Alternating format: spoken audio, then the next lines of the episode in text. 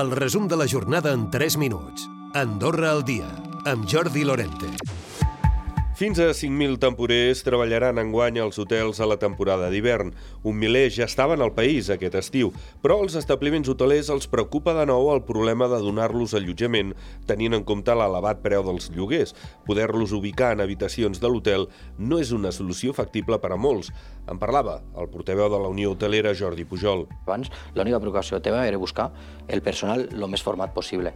I ara és el més format possible i a part el tema de l'allotjament, el tema de, bueno, pues, també de, del servei d'immigració de, del, del temps que estem allà. De fet, veuen en por la possibilitat que hi hagi gent que vingui en contracte de treball però que hagi de marxar, no trobar lloc on viure. Hi ha alguns hotels que, per exemple, tenen doncs, la propietat que té també algun, alguns apartaments o algo i amb això pots jugar. Però, clar, oferir, oferir el, les habitacions als treballadors quan tindràs l'hotel segurament de 4 mesos, eh, 3 al 90%, doncs és, és molt complicat. Gràcies a la prova pilota aquesta que ens queden 1.000 persones aquí, 1.000 tempores menys i estem rebent el doble de sol·licituds. Doncs, eh, I moltes d'aquestes sol·licituds ens trobarem que són gent que vindrà i tenim gent que, que té feina i no té on allotjar-se, tenim gent que no té feina i no té on allotjar-se.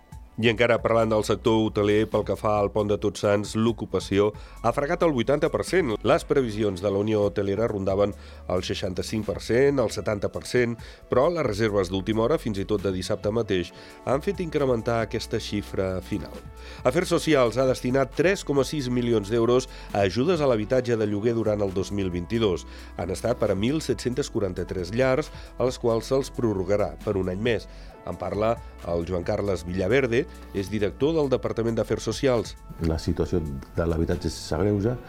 Per sort, anem fent front a aquesta situació mitjançant els ajuts, però bueno, entenem que, que aquesta no pot ser una solució perpètua reformular el sistema institucional perquè la prohibició de la doble nacionalitat no penalitzi Andorra en el moment d'anar a votar.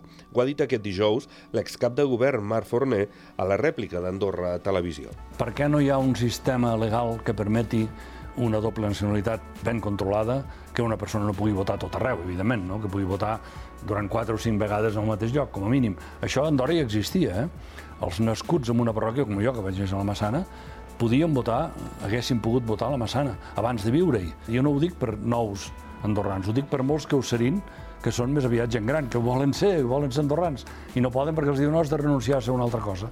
I alguns, alguns països fins i tot no es pot renunciar. Torna l'Andorra a taula, ho fa amb l'ambició de vendre més de 4.000 menús entre aquest divendres i el pròxim dia 27. Hi participen més d'una vintena d'establiments i enguany per primer cop des de l'inici de la pandèmia repartits entre totes les parròquies.